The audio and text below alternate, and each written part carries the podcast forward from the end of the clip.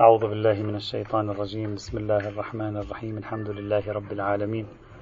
وصلى الله على سيدنا ونبينا وحبيبنا محمد وعلى آله الطيبين الطاهرين.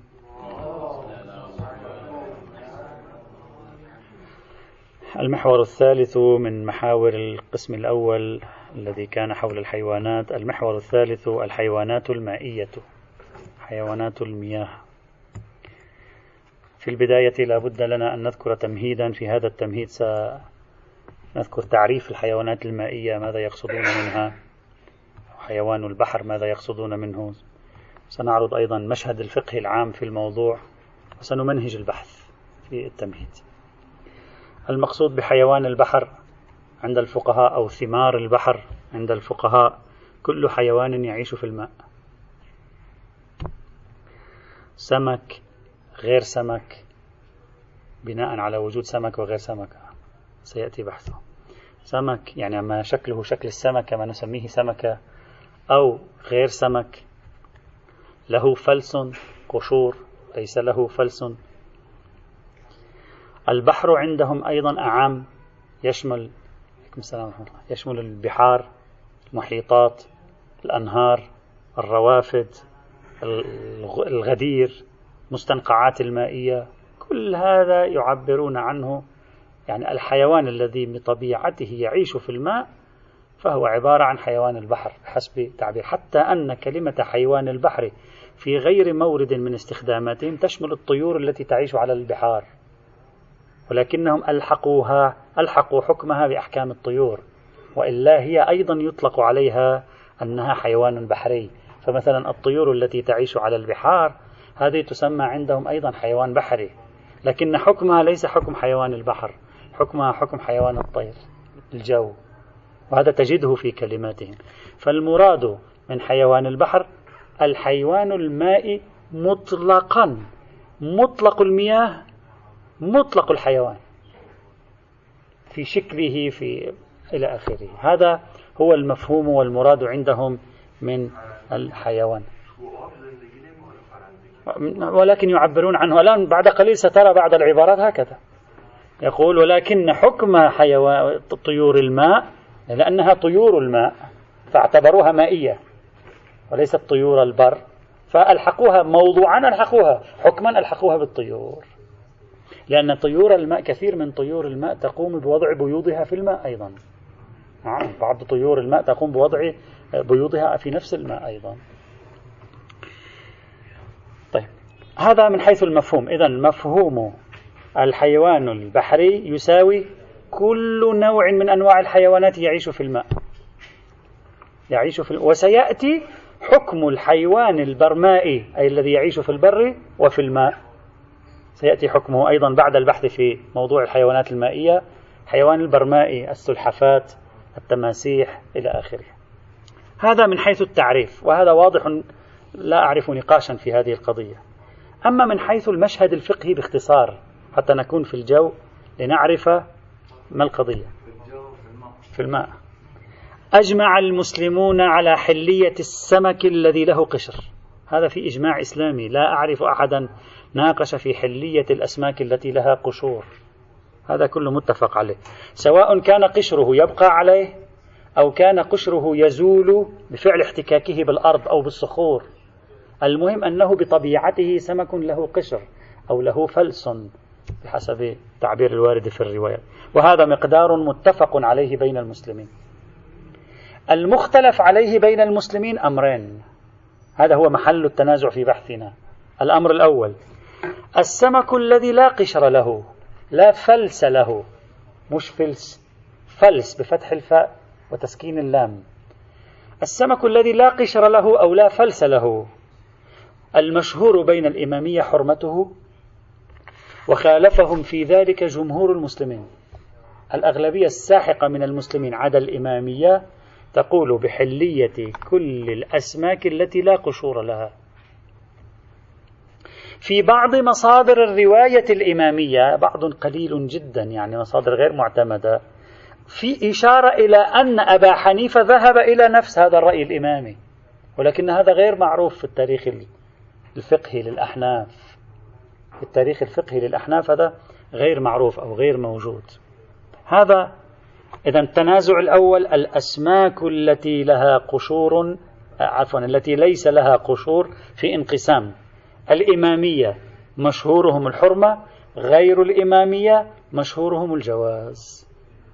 التنازع الثاني غير السمك من حيوانات الماء. يعني ما ليس على صورة السمك ولكنه يعيش في الماء. ليس سمكا لكنه يعيش في الماء. مثلا سرطان حية البحر كلب البحر خنزير البحر هذا هم ذكروه. فرس البحر نجم البحر قنديل البحر الأخطبوط المحار إلى آخره. قالوا هذه حيوانات تعيش في الماء. فهي حيوانات مائية لكنها ليست أسماك. فما حكمها؟ المعروف أن الإمامية والأحناف يقولون بحرمتها. هناك اشترك الإمامية مع الأحناف والأحناف مع الإمامية. الإمامية والأحناف فريق قالوا كل هذه الحيوانات غير السمكية في المياه حرام. وغير هؤلاء من فقهاء المسلمين قالوا حلال. فإذا صار عندنا ثلاث نقاط. السمك الذي له قشر حلال بالإجماع. السمك الذي ليس له قشر حرام عند الإمامية حلال عند غيرهم. غير السمك بعد ما في قشر وغير قشر غير السمك الأحناف والإمامية المشهور الحرمة غير الأحناف والإمامية الحلية. وعليه وعليه يكون عندنا ثلاثة بحوث أساسية عمليا. لا بأس أن أشير هنا إلى نقطة وهي أن السيد محمد سعيد الحكيم حفظه الله تعالى. له رأي سوف يأتي بحثه إن شاء الله بالتفصيل. وهو هنا يدخل بين هذه الأطراف. يخرق هذا التقسيم الذي رأيناه الآن. ماذا يقول؟ يقول كل حيوان له قشر. قشره يزول عنه ويبقى هو فهو حلال. كل حيوان ليس له قشر يزول عنه ويبقى هو فهو حرام. لا فرق في ذلك بين ما تسمونه السمك وغير السمك. وهذا رأي ربما يكون من متفرداته حفظه الله تعالى. يعني ما معناه؟ يعني ممكن السمك له قشر السمك ليس له قشر. ممكن غير السمك بتسميتنا نحن غير السمك. وممكن غير السمك يكون له قشر أيضا مثل الروبيان القريدس. الشاميغو له قشر وإذا أزلت قشره يبقى هو. يبقى لأنه يزول مع قشره. إذا أزلت قشره يبقى هو. هذا حلال على القاعدة. حتى لو لم ترد فيه رواية خاصة. مثل الروبيان وردت فيه رواية خاصة. لكن حتى لو لم ترد فيه رواية خاصة يكون حلالا عند السيد الحكيم. إذا السيد الحكيم لم يفهم شيء اسمه السمك وغير السمك. أبطل هذا الثنائي. قال ما في البحر كله سمك سميتموه غير سمك ما يعنيني. يعنيني له قشر يزول ويبقى هو. فهذا حلال سميتموه سمك أو غير سمك ما, له علاقة. وما ليس له قشر يزول ويبقى هو فهو حرام. أكان سمكا أم غير سمك؟ فيكون ما قاله السيد الحكيم تقريبا خارقا لهذه المنظومة الثلاثية التي هي تحكم إطار فقه الحيوانات المائية وبهذه النتيجة التي رأيناها المالكية الحنابلة الشافعية تقول بحلية كل حيوان في البحر مطلقا إلا ما خرج بنص خاص. هذه ثلاث مذاهب ما عندها حرام في البحر. تقريبا أغلب ما في البحر حلال. إلا إذا في حيوان وردت رواية فيه بخصوصه لماذا؟ لأنه لا يقولون بحلية غير السمك ويقولون بحلية السمك الذي لا قشر له ويقولون بحلية السمك الذي له قشر. فهو الجماعة مرتاحين أمرهم يسير سهل ما عندهم مشكلة. كل حيوانات الماء تؤكل إلا إذا في ثمة رواية في حيوان بعينه لا بأس حينئذ. الحنابلة والمالكية والشافعية. الثلاثة. أما الأحناف فيقولون بكل ح... بحلية كل حيوان في البحر يندرج في السمك. أكان له قشر أو لا؟ هذا الأحناف. أما الإمامية فيقولون بالعكس بحرمة كل حيوان في البحر إلا السمك الذي له قشر. صارت واضحة عملية التغاير بين المذاهب الإسلامية في هذا طبعا إلا إذا استثني حيوان بعينه مثل الروبيان والربيثة. وسيأتي معنا ما معنى الروبيان والربيثة وما هي الروايات الخاصة في حلية الروبيان رغم أنه ليس بسمك بالاصطلاح هنا. والربيثة التي قالوا أيضا ليست بحلال أيضا على القاعدة. هذا هو المشهد السائد المعروف بين فقهاء المسلمين في هذا. لكن كل مذهب من هذه المذاهب. هناك فقيه فقيهين ثلاثة خالفوا مشهور مذهبهم وسوف يأتي ذكر هؤلاء بالتفصيل في ثنايا البحوث القادمة إن شاء الله تعالى. طيب. الآن نريد أن نمنهج البحث. إذا تحدثنا عن تعريف الحيوان البحري تحدثنا عن صورة أولية للمشهد الفقهي في الموضوع الآن. الحديث في حيوان البحر يقع في موقعين عندهم. الموقع الأول وهو الحديث عن الحيوان البحري الذي يموت في الماء. قالوا كل حيوان بحري يموت في الماء بحيث تم العثور عليه داخل الماء ميتا أو طافيا على الماء ميتا أو يجف النهر أو البحر أو البحيرة أو المستنقع فتموت الحيوانات بعد جفافه على الأرض هذا يكون حراما. ودليلهم على ذلك أنه ميتة. هذا هو ميتة. لأنه لم يتم أخذه بالطرق الشرعية من ذبح أو نحر أو صيد. فما كان كذلك يكون ميتة ويكون حكمه حينئذ حراما. ومنه قالوا على المعروف استخدام المواد المتفجرة التي تؤدي إلى قتل الحيوان في الماء. بعض التي هي ممنوعة دوليا وعادة يعني. استخدام بعض الأشياء التي يمكن أن تنفجر في الماء فيؤدي انفجارها إلى موت هذه الحيوانات وتطوف هذه الحيوانات على وجه الماء ميتة. قالوا هذا أيضا حرام. ووقع بحث بين الفقهاء أيضا في هذا السياق في مباحث الصيد حول موت الحيوان داخل شبكة الصائد. تخلت شبكة ومات الحيوان فيها. فهل يكون ميتة؟ أو يكون حلالا.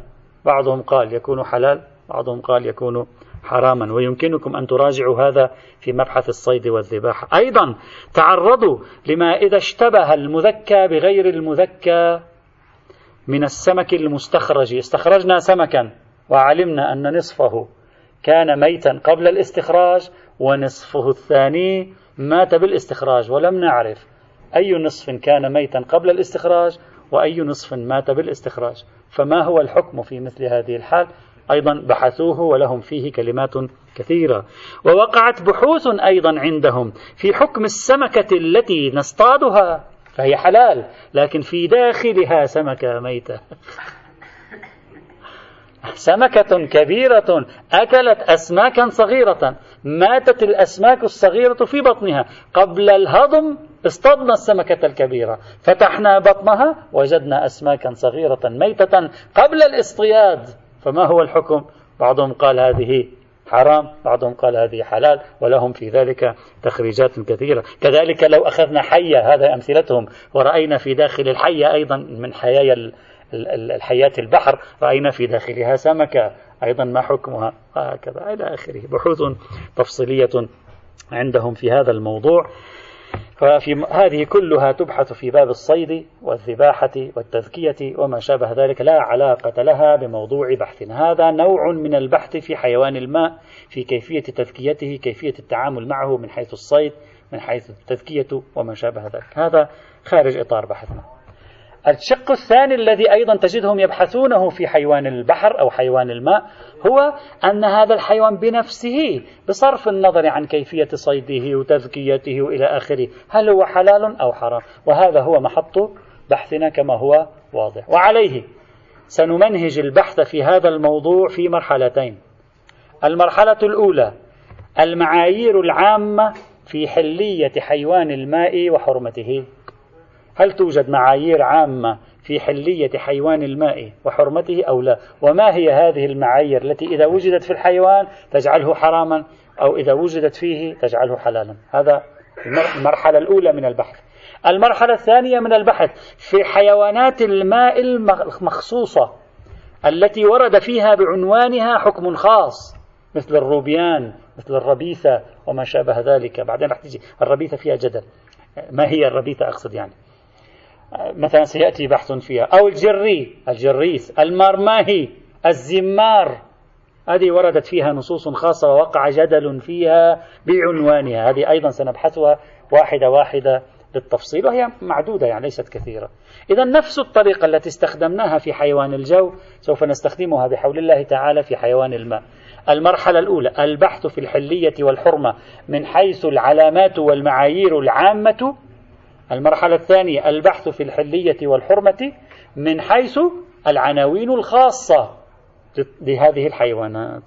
في هذه فهذه مرحلتان سنمر إن شاء الله بهما. المرحلة الأولى حكم حيوان الماء أو حيوان البحر ما شئت فعبر من حيث العناوين والمعايير العامة.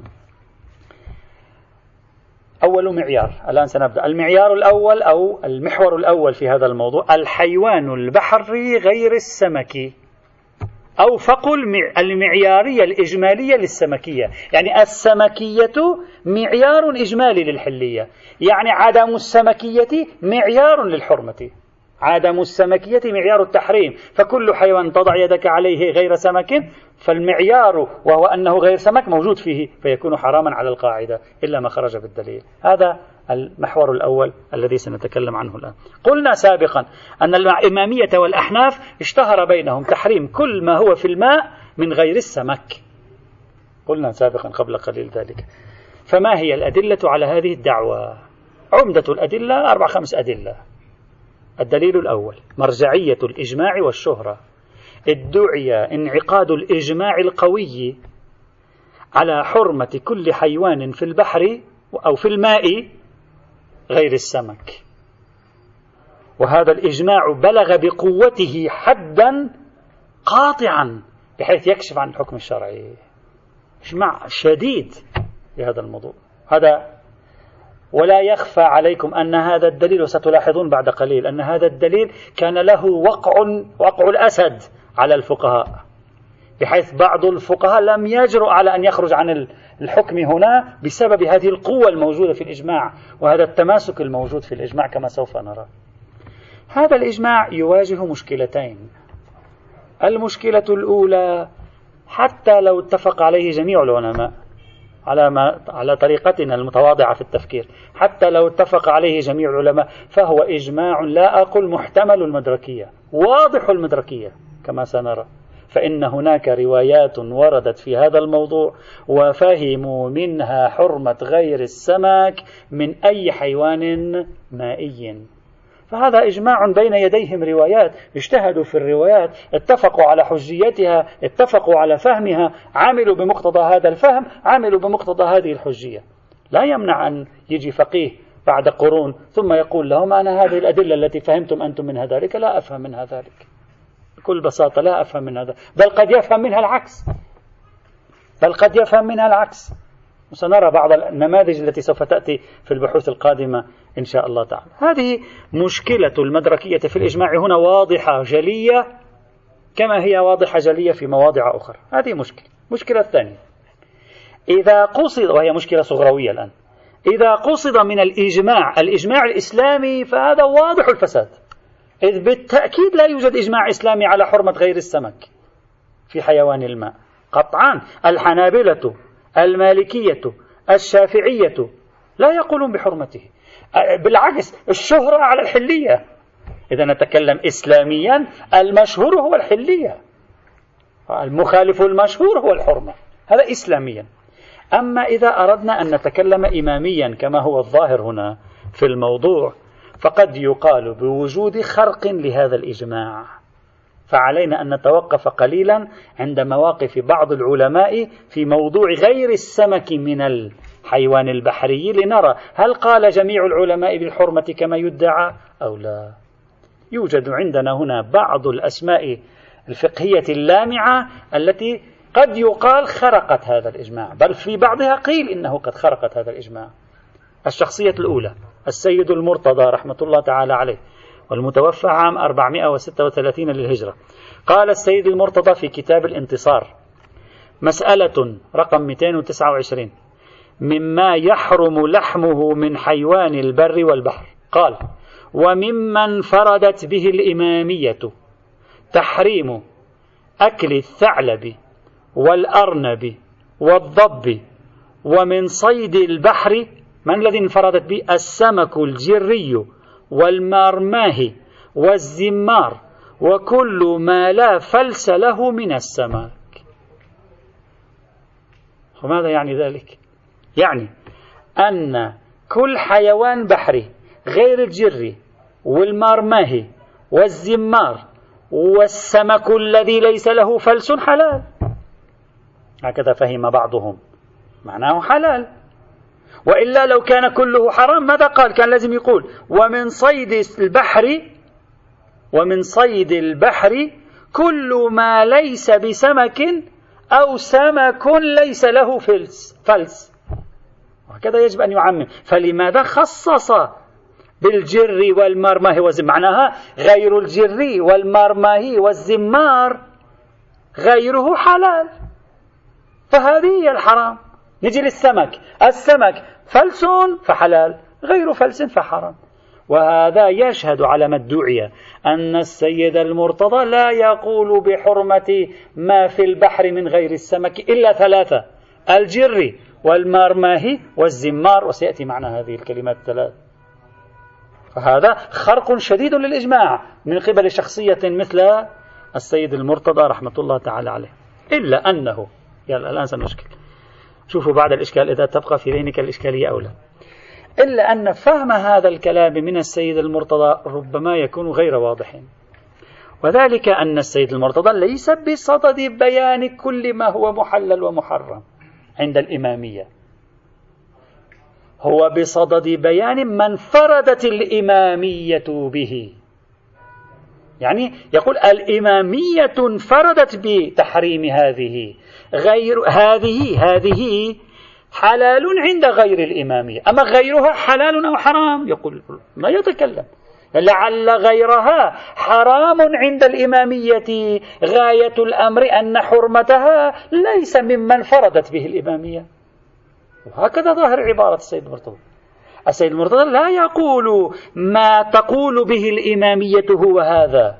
تقول من فرضت به الإمام. ما من فرضت؟ يعني ما لم توافق الإمامية فيه غير الإمامية. هذه الأشياء حرمتها حرمتها ممن فرضت به الإمامية. غيرها مما اشتركت به الإمامية مع بعض غير الإمامية. وعبارته واضحة. وممن فرضت به الإمامية. لا مما قالت به الإمامية. انفردت به. إلا إذا شخص قال قال إذا كان هذا مراد السيد المرتضى مشتبه السيد المرتضى. هذا كلام غير صحيح. يعني كلام السيد المرتضى هذا غير دقيق. لأن ما ليس له فلس من السمك لم تنفرد الإمامية بحرمته. إذ أن الأحناف قالوا بالحرمة فيه.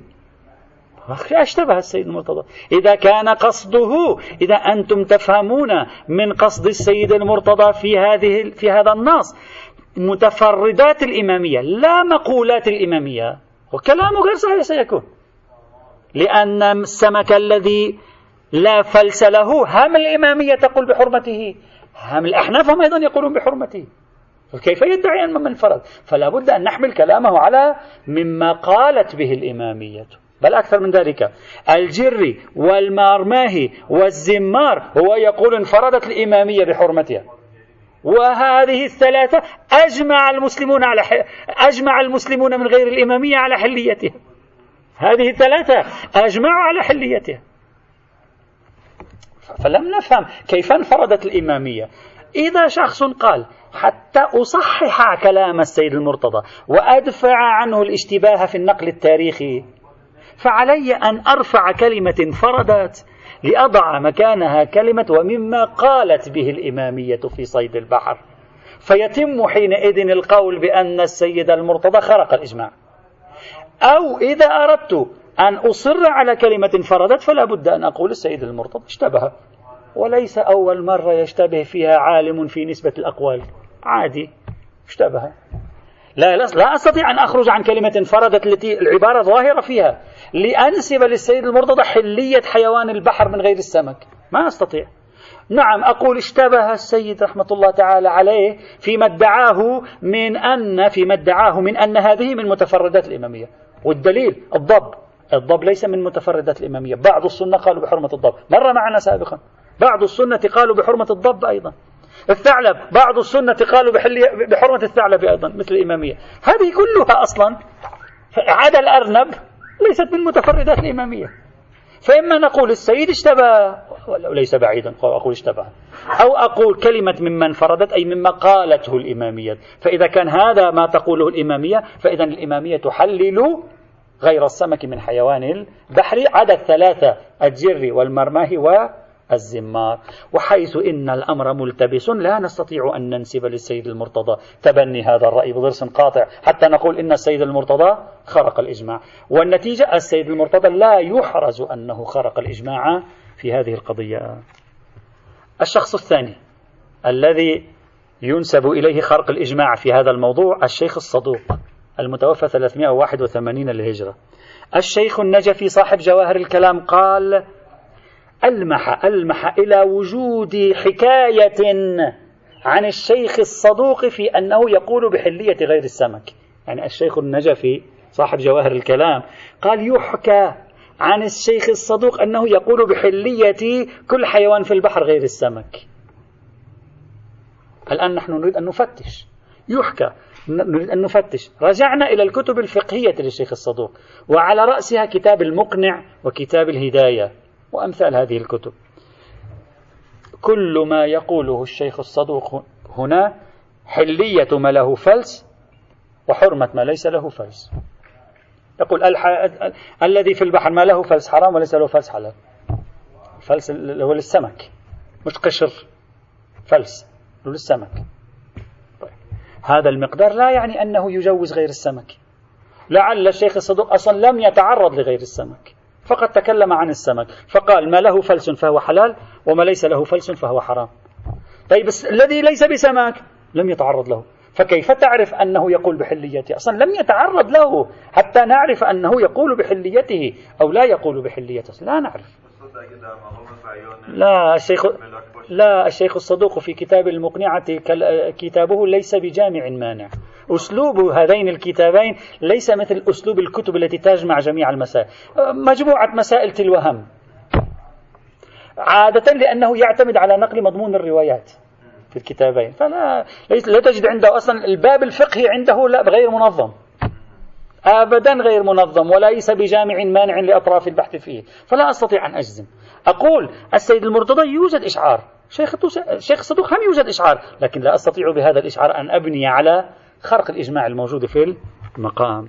هلأ إذا شخص قال أنا مثلا سكوته عن غير السمك مثلا شاهد أنه مثلا يحلل أو لا يحلل يعني إذا تقوي لا بأس إلا أن كتاب المقنع والهداية ليس في مقام البيان من جميع الزوايا عادة حتى أقول سكوته مثلا. نعم في احتمال أن الشيخ الصدوق يكون فهمه للفلس مثل فهم السيد محمد سعيد الحكيم وهذا سيأتي معنا.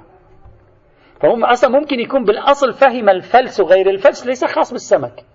يشمل غير السمك. أو ممكن يكون فهم السمك غير خاص بما نسميه نحن سمك بل كل حيوان الماء سمك. وهذا سيأتي بحثه عندما نتعرض لرأي السيد محمد سعيد طبطباء الحكيم الذي أشرنا إليه قبل قليل. إذا كان كذلك نعم ممكن يكون حينئذ الشيخ الصدوق خرق الإجماع. لماذا؟ لأن بعض ما ليس بسمك بمصطلحنا سوف يكون حلالا عند الشيخ الصدوق مثل ما كان حلالا عند السيد محمد سعيد طبطباء الحكيم. هكذا. ممكن. لكن الجزم بهذا كله أو بهذا كله يبدو صعبا. أن ننسبه إلى الشيخ الصدوق. وبالتالي لا نستطيع أن نقول الإجماع خرق في المقام. نعم. لا نعرف. لا. الآن بعدين سنتكلم أصلا كلهم تكلموا في الموضوع أو لا. لا نتكلم عن الإجماع اللي هو تتبع آراء جميع الفقهاء. لا يوجد إجماع اسمه تتبع آراء جميع الفقهاء. لا يوجد إجماع. الإجماع الحدسي نتكلم عن إجماع يعني كل الذين تعرضوا للموضوع وصرحوا به حكموا بذلك. وهم عدد كبير ولا نعرف خلافا في الموضوع يتشكل الإجماع. آه وإلا إجماع كلهم تكلموا فيه لا تكاد تعثر عليه في كثير من المواضع طيب. قد يقال الشيخ الصدوق يقول بحلية غير السمك في البحر اعتمادا على أن الشيخ الصدوق في كتاب الفقيه روى هذه الرواية والشيخ الصدوق في كتاب الفقيه يفتي بما جاء في كتاب الفقيه هو يقول في المقدمة. ما هي هذه الرواية؟ قال قال الصادق كل ما في البحر مما يؤكل في البر مثله فجائز أكله. كل ما في البحر هذه رواية من الصادق يرويها هو. كل ما في البحر مما يؤكل في البر مثله فجائز أكله. وكل ما كان في البحر مما لا يجوز أكله في البر لم يجوز أكله. يعني كل حيوان موجود في البحر وفي البر يجوز أكله فيجوز أكله. سواء كان سمك أو غير سمك. فهذا معناه أن بعض غير السمك يجوز أكله ما دام يؤكل ما دام هذا له عنوان بري وكان جائزا. مثلا مثلا فرس الماء. الخيل يجوز أكلها. الخيل يجوز أكلها على كراهة عندهم صحيح؟ مر معنا بحث الخيل. فإذا هذا يجوز أكله. بناء على هذه الرواية قد يجوز أكله. فهذا معنى أن الشيخ الصدوق عندما يروي هذه الرواية في خصوص كتاب الفقيه الذي يفتي على أساسه معناه أنه يؤمن بهذا الرأي. معناه لا يقول بحرمة كل حيوان بحري غير سمكي. وهذا خرق للإجماع قد تقول ذلك. لكن هذا وإن كان وجيها جدا إلا أن الشيخ الصدوق المشكلة أنه في كتاب الفقه يروي الروايات المتعارضة وهذا الموضوع فيه روايات متعارضة ولا نعرف طريقة جمعه. ما أنا لا أعرف كيف جمع. لعله جمع بحمل لا يؤدي إلى خرق الإجماع. ولعله في هذا المورد جمع بحمل الروايات على محمل يؤدي إلى خرق الإجماع. حيث لا أعرف جمعه بعد أن كانت هذه الرواية في مقابلها معارض حيث لا أعرف جمعه كيف يكون. فلا أستطيع أن أنسب إليه خرق الإجماع. وإن كنت لا أستطيع أن أقحمه في المجمعين. لكن لا أستطيع أن أنسب إليه خرق الإجماع في مثل هذه المسألة. بلي؟ نعم نعم. في نفس الكتاب ليس ضروري في نفس الباب لأنه يتكلم عن الكتاب. في نفس الباب يذكر المروية وسيأتي معنا إن شاء الله الروايات هذه. الشخصية الثالثة المحقق السبزواري. الآن فصاعدا سنبدأ نرى خرقا للموضوع. ستبدأ النظرية هي النظرية هذه أنا سأتوصل إلى هذا الذي أتوصل إليه الآن تاريخيا. النظرية تكاد تكون هي السائدة إلى زمن المحقق الأردبيلي. المحقق الأردبيلي دق إسفينا فيها خلخل أسسها. بعده بدأنا نسمع من يقول بالحلية أو بدأنا نسمع من يتراجع عن الجزم بالحكم الشرعي أو بدأنا نسمع من يحتاط ولا يجزم. يعني المحقق الأردبيلي فاصل في هذا الموضوع في موضوع الحيوان غير السمكي في البحر. الآن السبزواري وهو بعد المحقق الأردبيلي متوفى سنة 1090 للهجرة يقول في كتاب كفاية الأحكام يقول لا أعرف خلافا بين المسلمين في حل السمك الذي له فلس ويدل عليه عموم الآيات والأخبار والمعروف من مذهب الأصحاب تحريم ما ليس على صورة السمك من أنواع البحر. ويقول المعروف من مذهب الأصحاب تحريم ما ليس على صورة السمك من أنواع البحر وادعى صاحب المسالك نفي الخلاف بين أصحابنا في تحريمه. يقول ولم يظهر لي دليل عليه. بل الآيات والأخبار بعمومها على خلافه. فإذا المحقق السبزواري خرق الإجماع. الشخصية الرابعة المحقق النراقي متوفى 1244 للهجرة قال في مستند الشيعة في ال... بل قال بل الآيات والأخبار بعمومها على خلافه. المحقق النراقي قال في الحيوان البحري غير الطير هذه التي هي من الموارد شيخنا. في الحيوان البحري غير الطير يعتبر طير الماء حيوان بحري. قلنا الفقهاء يصنفونها. وإن كان فقهيا حكما يدرجونها في الطيور. وفيه مسائل. المسألة الأولى قالوا لا يحل منه من الحيوان البحري إلا ما كان على صورة السمك. إلى أن يقول إلى أن يقول. فإن ثبت الإجماع وتحقق فهو المتبع وإلا فلا دليل عليه غيره. ما في دليل غير الإجماع. كما صرح به جماعة من المتأخرين. هذا يدل على أنه إلى زمن المحقق النراقي كان هناك مجموعة من المتأخرين يعيدون النظر في هذه الفتوى. والمانع الوحيد لهم من هو؟ الإجماع. هو الذي يمنعه عن الفتوى فقط. إلى أن يقول ومنه يستنتج يقول ومنه تظهر قوة أدلة الحلية إلا أن أخبارها أخبارها اسم أن اصبر قليلا حتى نوصل إلى خبر أن ها؟ إلا أن أخبارها افتح افتح جملة معترضة. اترك الجملة المعترضة. إلا أن أخبارها غير صالحة. ماذا يريد أن يقول؟ هكذا. إلا أن أخبارها للمخالفة القطعية للشهرة العظيمة لا أقل منها لو لم يكن إجماعا هذه الأخبار لإثبات الحكم غير صالحة. يعني يقول الأخبار تدل على الحلية. لكن لأجل أن في مقابل الأخبار الشهرة العظيمة فلن تكون الأخبار صالحة للإفتاء بالحلية. يعني الخوف ممن؟ من الإجماع فقط. فلم يبقى إلا الأصل. بعد ما خلصنا. الأخبار تدل على الحلية الإجماع على الحرمة. تصارعوا اتركه على حدة. لا الأخبار تنفع اترك على حدة. لم يبقى إلا الأصل أصل البراءة. لازم نفتي على أصل البراءة. يقول فلم يبقى إلا الأصل. وهو وإن كان كافيا يكفي خلاص. إلا أن اتباعه في المقام خلاف الاحتياط. مرة ثانية خاف. قال احتياط ماذا؟ أي احتياط؟ قال لا اتباعه فما ما جزم. فواضح من عبارة المحقق النراقي أن القضية فقط تحتاج إلى خطوة لكن هذه الخطوة لم يقوموا بها بسبب انعقاد الإجماع في هذه المسألة. وواضح منه لاحظوا أنه يقول إن ثبت الإجماع وتحقق. واضح منه أنه هو أيضا غير متأكد من انعقاد الإجماع. يبدو منه أنه إما لم يحقق في انعقاد الإجماع أو لديه شك في انعقاد الإجماع. ولذلك بعدين عبر بالشهرة العظيمة. وهذا أيضا شاهد في المسألة. الشخصية الخامسة اللي هي أنا أعتبرها الفاصل الذي بدأ يكسر الرأي المشهور لأن المحقق الأردبيلي معروف بخرق آرائه للمشهور ومن بعده كثير من الفتاوى التي كانت مشهورة قبل بعض الفتاوى التي كانت مشهورة قبله آه، تراجعت الشهرة فيها بعده. يقول المحقق الأردبيلي المتوفى 900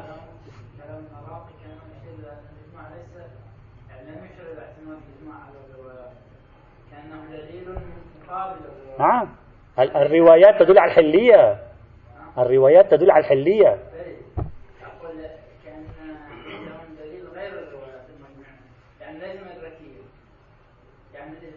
لا لا مدركي الآن سنرى.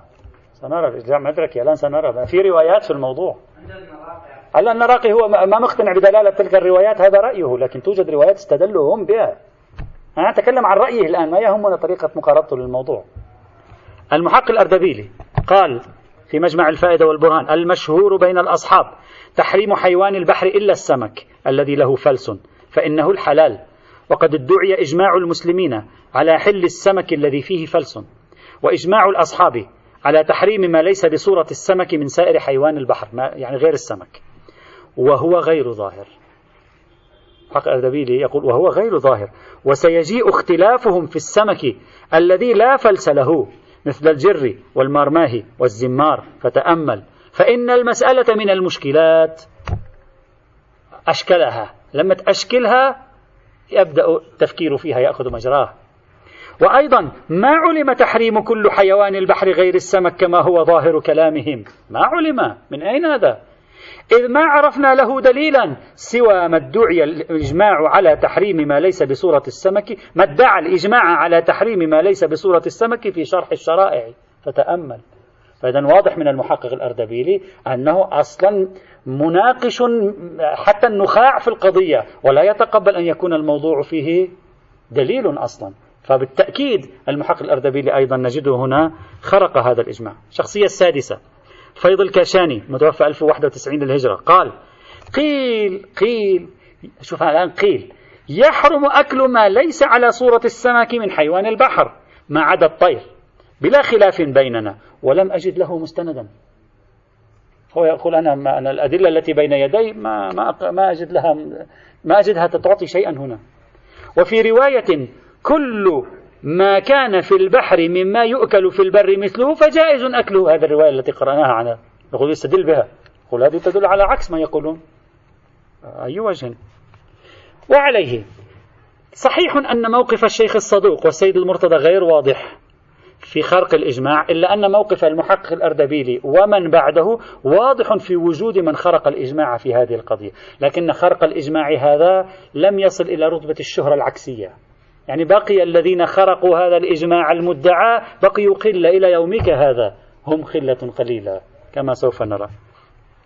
وعليه فالمتحصل أن تحريم ما عدا السمك من حيوان البحر اشتهر بين ما قبل زمن المحق الأردبيلي وما بعد زمن المحق الأردبيلي بدأ النقاش فيه بشكل جاد. وبدأوا يأخذون النقاش ودليلك وأعطيني دليلك وذاك يعطي دليله إلى آخره. هذا المشهد التاريخي في هذه القضية. من المتأخرين المتأخرين والمعاصرين يوجد غير واحد ممن أفتى أو شبه أفتى سنرى الآن بحلية غير السمك من حيوان البحر. اخطبوط إلى آخره. وذلك مثل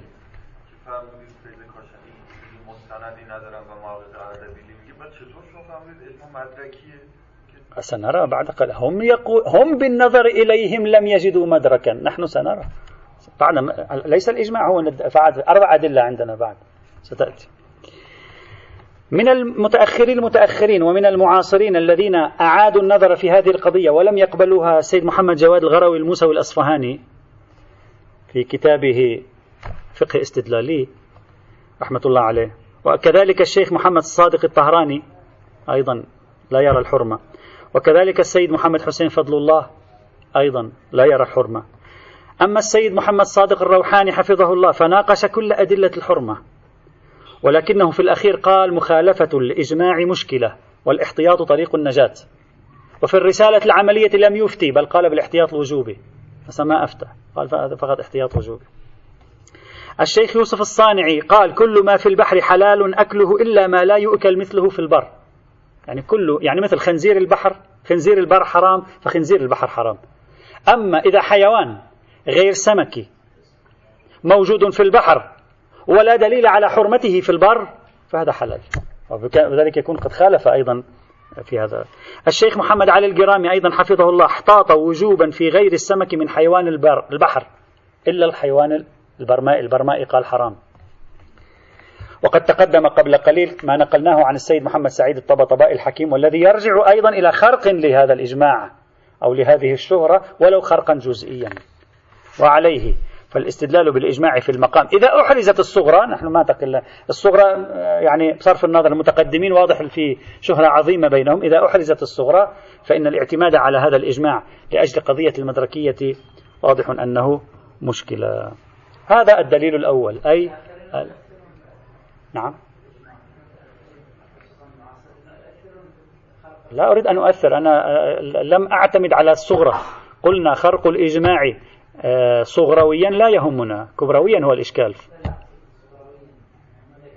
لا لا لا يخرقون الإجماع إذا كان الإجماع هو إجماع المتقدمين. إذا تم أن المتقدمين عقد إجماعهم على ذلك نعم لا يخرقون. هذا القسم الثاني ليس هو إشكالنا. هذا القسم الثاني عرض للمشهد صغرويا. ولا الإشكال هو الإشكال الأول كان. الدليل الثاني. قالوا الدليل على حرمة غير السمك من كل حيوانات الماء الرجوع إلى عمومات ومطلقات تحريم الميتة. فكل حيوان غير سمكي في الماء إذا أنت أخذته مات فهو ميتة. قالوا ميتة هذا. وأحد شواهدهم على ذلك أنه الأصل عدم التذكية. نشك هذا يتذكى أو لا يتذكى؟ لا نعرف هذا يذكى أو لا يذكى. فالأصل عدم التذكية. الأصل عدم التذكية خلاص يعني يكون محرما حينئذ. لا لا. ما زلنا نبحث في الأدلة على حرمة كل حيوان مائي غير السمك. الدليل الأول على حرمة كل حيوان مائي غير السمك الإجماع. الدليل الثاني على حرمة كل حيوان غير سمكي في الماء هو أنه ميتة ولا يعقل أن يكون غير ميتة. أصالة عدم التذكية. آه ميت. هذا من الأدلة التي ذكرها بعض الم... ذكرها السيد محمد تقي القمي في كتابه مباني تكملة المنهاج. هذا الدليل سبق أن بحثناه بالتفصيل عندما تعرضنا لأصالة عدم التذكية. وقلنا الميتة هي الحوى الحيوان إما الذي يموت حتف أنفه أو الذي لا يخضع في إماتته لثلاثية الصيد والنحر والذبح.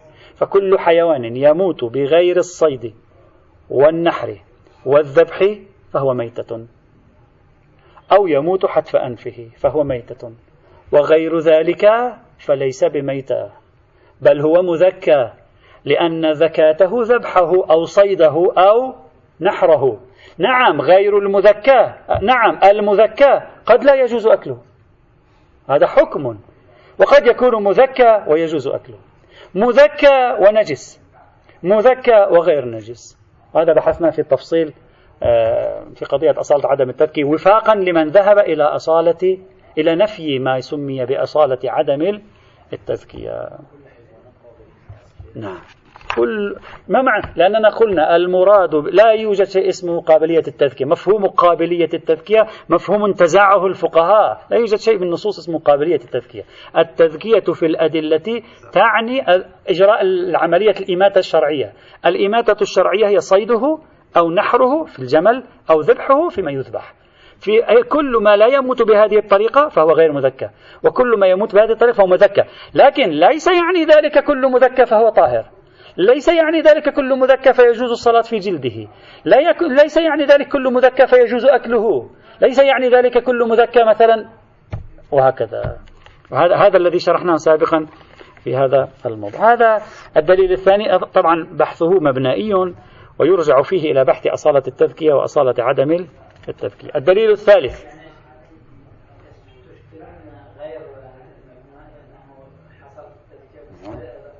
نعم كل من يرفض أصالة عدم التذكية فهذا الدليل عنده باطل. هذا دليل مبنائي إذا أصالة عدم التذكية